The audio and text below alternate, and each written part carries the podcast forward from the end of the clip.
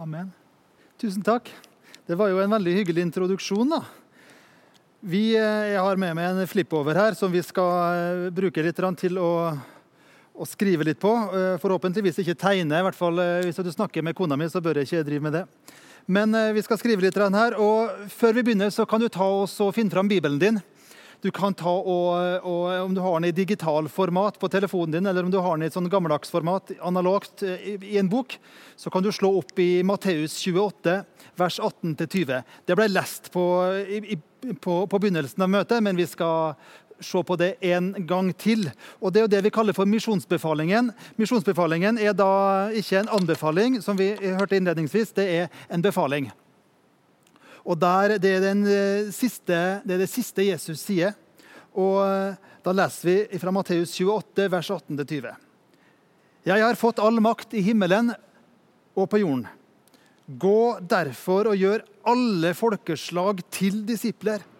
Døp dem til Faderens og Sønnens og Den hellige ånds navn, og lær dem å holde alt det jeg har befalt dere.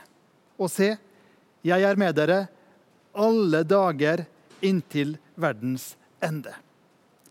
Misjonsbefalingen består egentlig av tre element. Den begynner med et løfte. 'Jeg har fått all makt'.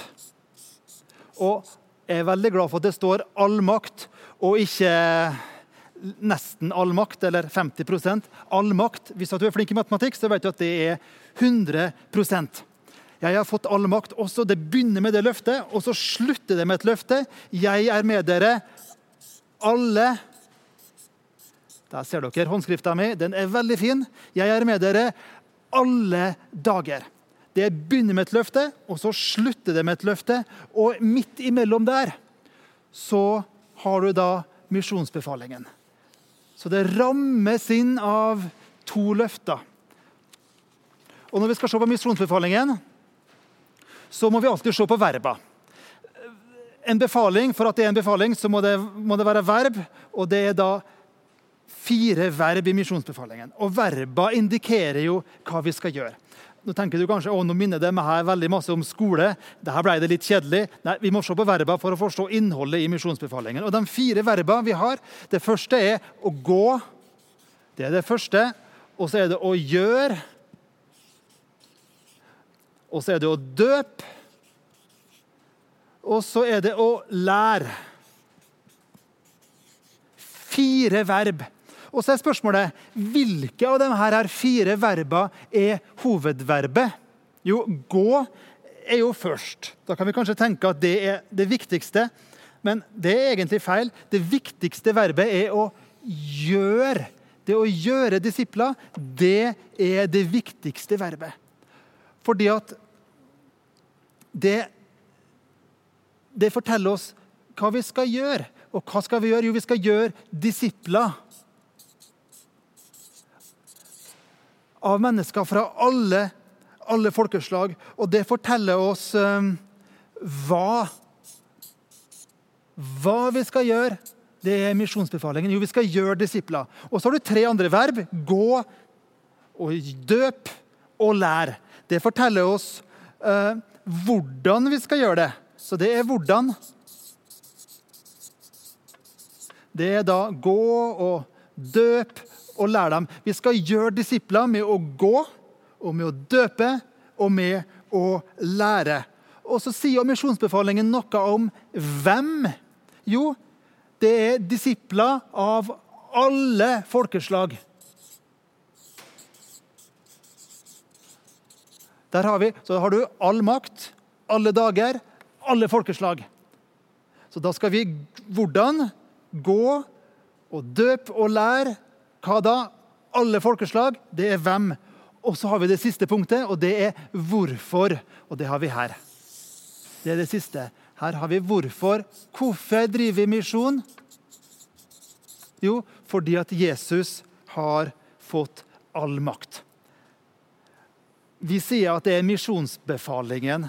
Og når Jesus har kalt oss, da skal vi være lydige og gjøre det som han har sagt til oss. Da skal vi gå litt videre. For noen år siden var jeg i USA. Jeg satt på Hawaii av alle plasser i verden. Eh, på Ungdom i oppdrag sitt, eh, sitt senter der. Og Jeg var sammen med ca. ti misjonsledere fra Kina. Og så var jeg i lag med 20 andre misjonsledere fra mange forskjellige land. Og Sammen så skulle vi snakke om hvordan kunne kinesiske kirker begynne å sende ut misjonærer til andre land. Og så hadde de invitert oss fra forskjellige land til å snakke om hvordan det kunne skje ut, og hvordan vi skulle gjøre det. Og så satt vi da i en sirkel. og jeg var jo litt sånn, Vi nordmenn er jo ikke dem som snakker først eller snakker høyest. så jeg åpna jo så vidt munnen da ordet kom til meg. og Jeg skulle introdusere meg og si hvem jeg var. Jo, at, jo, jeg heter jo Andreas, og jeg kommer fra Norge og jobber i Ungdom i oppdrag.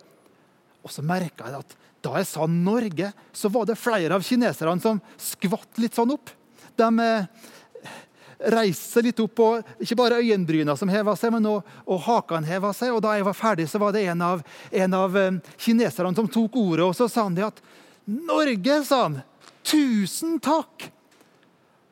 Så ble jeg litt sånn Oi, hva var det her for noe? Jo, sa han.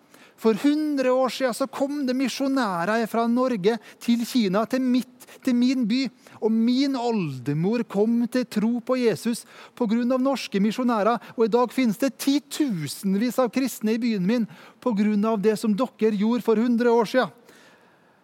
Jeg ble nå litt sånn, Det var litt kleint der, her da. Så jeg, ja, vær så god, sa jeg. var det første jeg sa. Men det var kanskje ikke greit å si, for det var jo ikke jeg som hadde reist til Kina som misjonær. Men den historien gjorde at jeg begynte å, å lese mye mer om, om det som norske misjonærer hadde gjort i Kina. Og Jeg skal fortelle en av dem her, her historien nå. Og den Historien begynner for over 100 år siden. Den begynner faktisk i 1879, et par år før jeg ble født. for å si Det slik. Det skjedde i Kristiansand, og i 1879 så var Norge et lutfattig land. Kvinner hadde ikke stemmerett, og vi var ikke engang selvstendige. Vi var under svenskekongen. Og, og slik går historien. Anna Jacobsen hun var 19 år.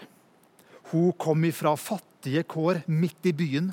Hun hadde gått kanskje seks eller kanskje sju år på skole.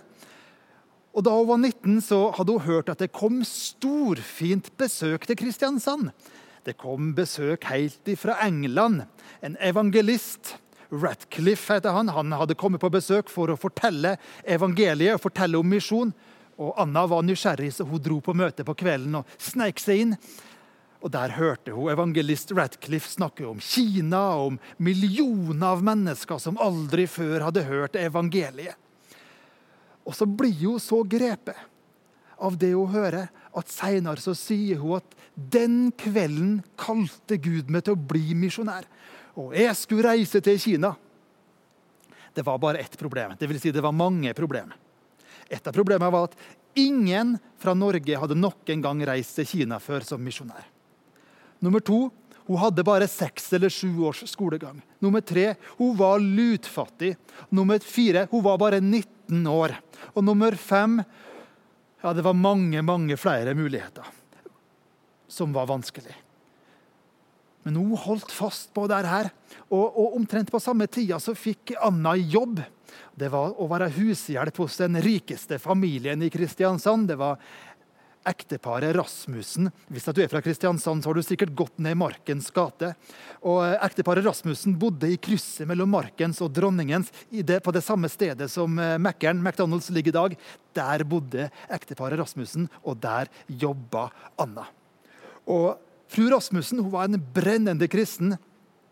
Og Anna, Det tok ikke så lang tid før eh, Anna begynte å fortelle til fru Rasmussen om at jo, jeg har misjonskall. Og når fru Rasmussen hørte det, da var det mange grunner som kom opp i hodet hennes. Ja, det er en dårlig idé. Hun kunne remsa dem opp om manglende utdanning og manglende penger og ung og dame og alt det her. Istedenfor så sier fru Rasmussen ja, Anna, det er en kjempegod idé, men du må bare be til Gud først om at Gud skal kalle en person til, for Jesus sendte alltid ut to og to. Og Anna begynte å be. Og snart skulle Anna få bønnesvar. For en dag så flytter det ei jente til Kristiansand. Hun er like gammel som Anna. Hun heter for Sofie Reuter og hun kommer fra Sarpsborg. Hun har nemlig fått jobb som guvernante hos ekteparet Rasmussen. Og Sofie fikk også snart høre om Kina og fikk snakke med Anna og høre om misjonskallet. Og Da gikk det ikke så lang tid før både Anna og Sofie hadde fått misjonskall. Og slik fikk Anna bønnesvaret sitt. Så spoler vi litt framover. Vi er i september 1884. Jeg var jo ikke der sjøl av opplagte årsaker, men jeg ser det liksom for meg med, med, med hodet mitt. Sola skein fra himmelen, og vi er på kaia i Kristiansand. Masse folk er samla, og de er samla for å ta farvel med Anna og Sofie. De skal ta båten til England og fra England til Kina og gjøre noe som ingen før hadde gjort. De skulle bli misjonærer til Kina. Anna var fortsatt 23 år gammel. Sofie ble 24 den samme måneden. Og nå står de på kaia for å ta farvel med venner og familie og kjente. Og så kommer, forteller historien at herr Rasmussen kommer opp med en brun, stor konvolutt som han legger i hendene på Anna. Vær så god, sier han. Anna åpner konvolutten. Det er den største pengesummen hun noen gang har sett i hele sitt liv. Jeg ser det for meg hvordan hun teller pengene raskt, forsiktig og hvordan hun lukker øynene sine, ser ned, ber en stille bønn til Gud. Løfter hodet, og åpner øynene og gir konvolutten tilbake til herr Rasmussen. Og Så sier Anna det at eh, herr Rasmussen, du må gi konvolutten til min mamma. Hun trenger pengene mye mer enn hva jeg gjør. Gud skal sørge for mine behov. Og Så reiser Anna og Sofie til England og Seinere reiser de til Kina. Der kommer de fram i januar 1886. Sofie gifter seg med en engelskmann som også er misjonær. Sammen får de en gutt. Men etter kort tid så dør Sofie av en sykdom som hun fikk som det ikke var medisin imot. Anna hun reiser inn til det indre av Kina, der ingen har vært før av hvite mennesker. Hun forkynner evangeliet der Jesus aldri før har blitt forkynt før. Hun blir kalt for en hvit djevel. Hun blir kasta stein på. Men mennesker kommer også til tro. Hun planter kirker og starter misjonsstasjoner. Og Så gifter hun seg med en kineser og får en, en gutt. Så blir det borgerkrig i 1899 om å flykte til Norge sammen med mannen sin og gutten og berge akkurat livet. Kommer til Norge og reiser ut igjen til Kina etterpå, før hun dør i 1911, 51 år gammel. Det var de to første. Det var Anna og Sofie. De bana vei for veldig mange andre, hundrevis av nordmenn som har reist til Kina i tiåra som kom. Og de her kvinnene, ja, og noen menn òg, selvsagt, var med å legge til rette for kanskje verdenshistoriens største vekkelse. I dag finnes det kanskje så mange som 100 millioner kristne i Kina. Det var det ingen som drømte om for 100 år siden. Anna og Sofie de forsto misjonsbefalingen, og de var lydige og reist. I Lukas kapittel 15 der har vi tre lignelser som handler om det samme. To av lignelsene er, En av lignelsene er superkjent, en, av lignelsene er sånn passelig kjent, og en lignelse er litt lite kjent. Men de handler om den samme. Vi skal snakke først om den lignelsen som er mest kjent.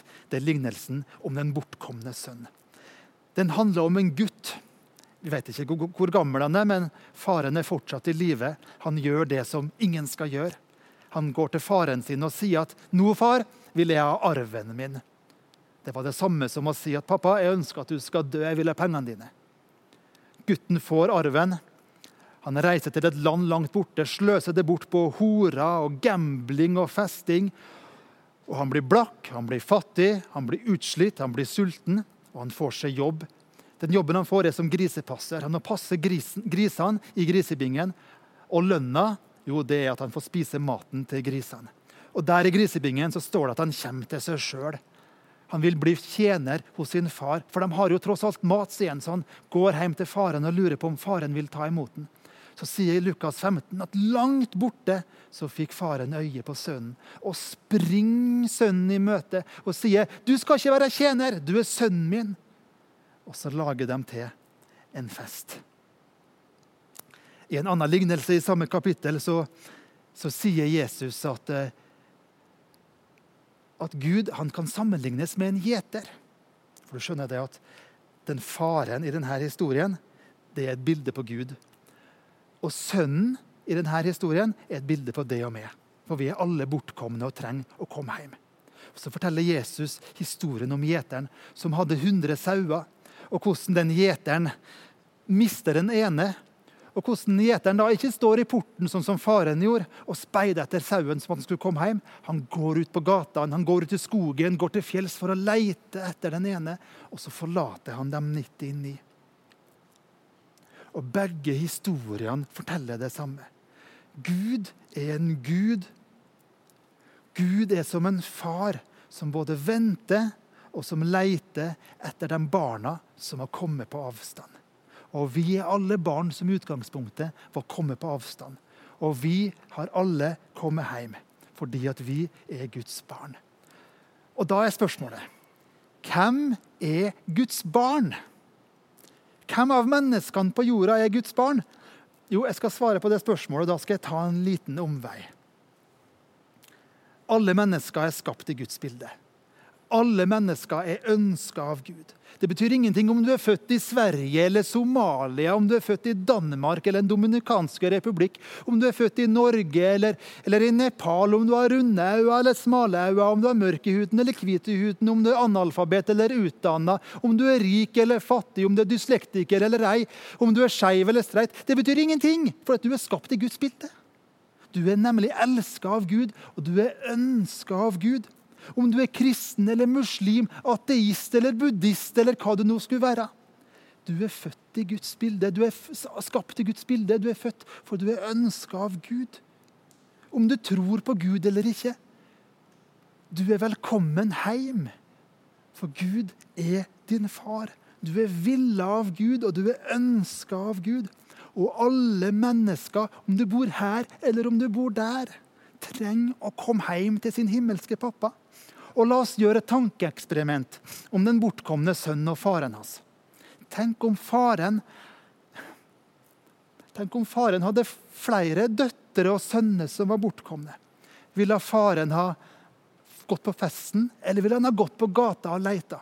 Jo, historien om sauene og gjeteren forteller oss at faren ville gått på gata og leita etter de bortkomne barna sine, de andre som var fortapt.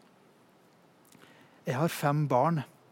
Og nå er alle de skikkelige folk, for å si det slik, så jeg har ikke noen grunn til å være bekymra. Men når jenta mi på 19 er ute til klokka to og tre natt til lørdag og er ute og kjører bil, da får ikke jeg sove skikkelig før hun kommer hjem. Jeg ligger våken, halvvåken i senga og så tenker jeg, tro hvordan det går med henne. Og så får jeg ikke sove før hun har smelt igjen bildøra og hører at det går i oppgangen. Sånn er det å være pappa. Derfor så forstår jeg noe om hva faren til den bortkomne sønnen må ha følt.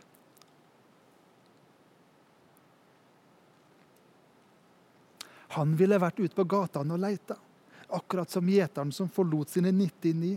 For Gud vil nemlig frelse alle sine barn. Problemet er at mange mennesker har ikke hørt om Jesus. Mange mennesker har ikke hørt at Gud sendte sin sønn Jesus for å frelse oss. Men det var derfor Anna og Sofie reiste til Kina. De ville at barna til Gud, de som aldri før hadde hørt at de var Guds barn, skulle få muligheten til å bli kjent med sin himmelske far. Det var derfor jeg flytta til Romania da jeg var 22 år. Det er derfor jeg jobber med Ungdom i oppdrag. For at så mange mennesker som mulig skal få komme hjem til sin himmelske pappa. Vi er hans barn, og han har invitert oss til å være med i sitt arbeid. Og han sender oss ut som sine medarbeidere for å kalle barna sine hjem. Dem som har hørt, og dem som ikke har hørt. Dem som bor i Norge, og dem som ikke bor i Norge. Nå skal jeg avslutte med et spørsmål, og det er ganske direkte. Spørsmålet er som følger. Hva vil du bruke livet ditt på? Vil du enten leve for deg sjøl, at du sjøl skal være herre? Eller vil du ta del med din himmelske pappa og jobbe sammen med din himmelske pappa? Ikke for din egen del, men for at så mange som mulig av hans barn skal få komme hjem til far. Jeg har bestemt meg for at det skal jeg bruke hele livet mitt på. Jeg bruker alt jeg har, for at så mange som mulig skal få komme hjem.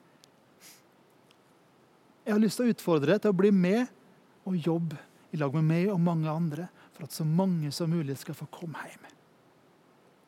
Vil du være som Anna og Sofie og flytte til et land hvor mennesker aldri før har hørt? Det skal du få lov til. Kjære Jesus, jeg har lyst til å takke deg for at du er, er god mot oss.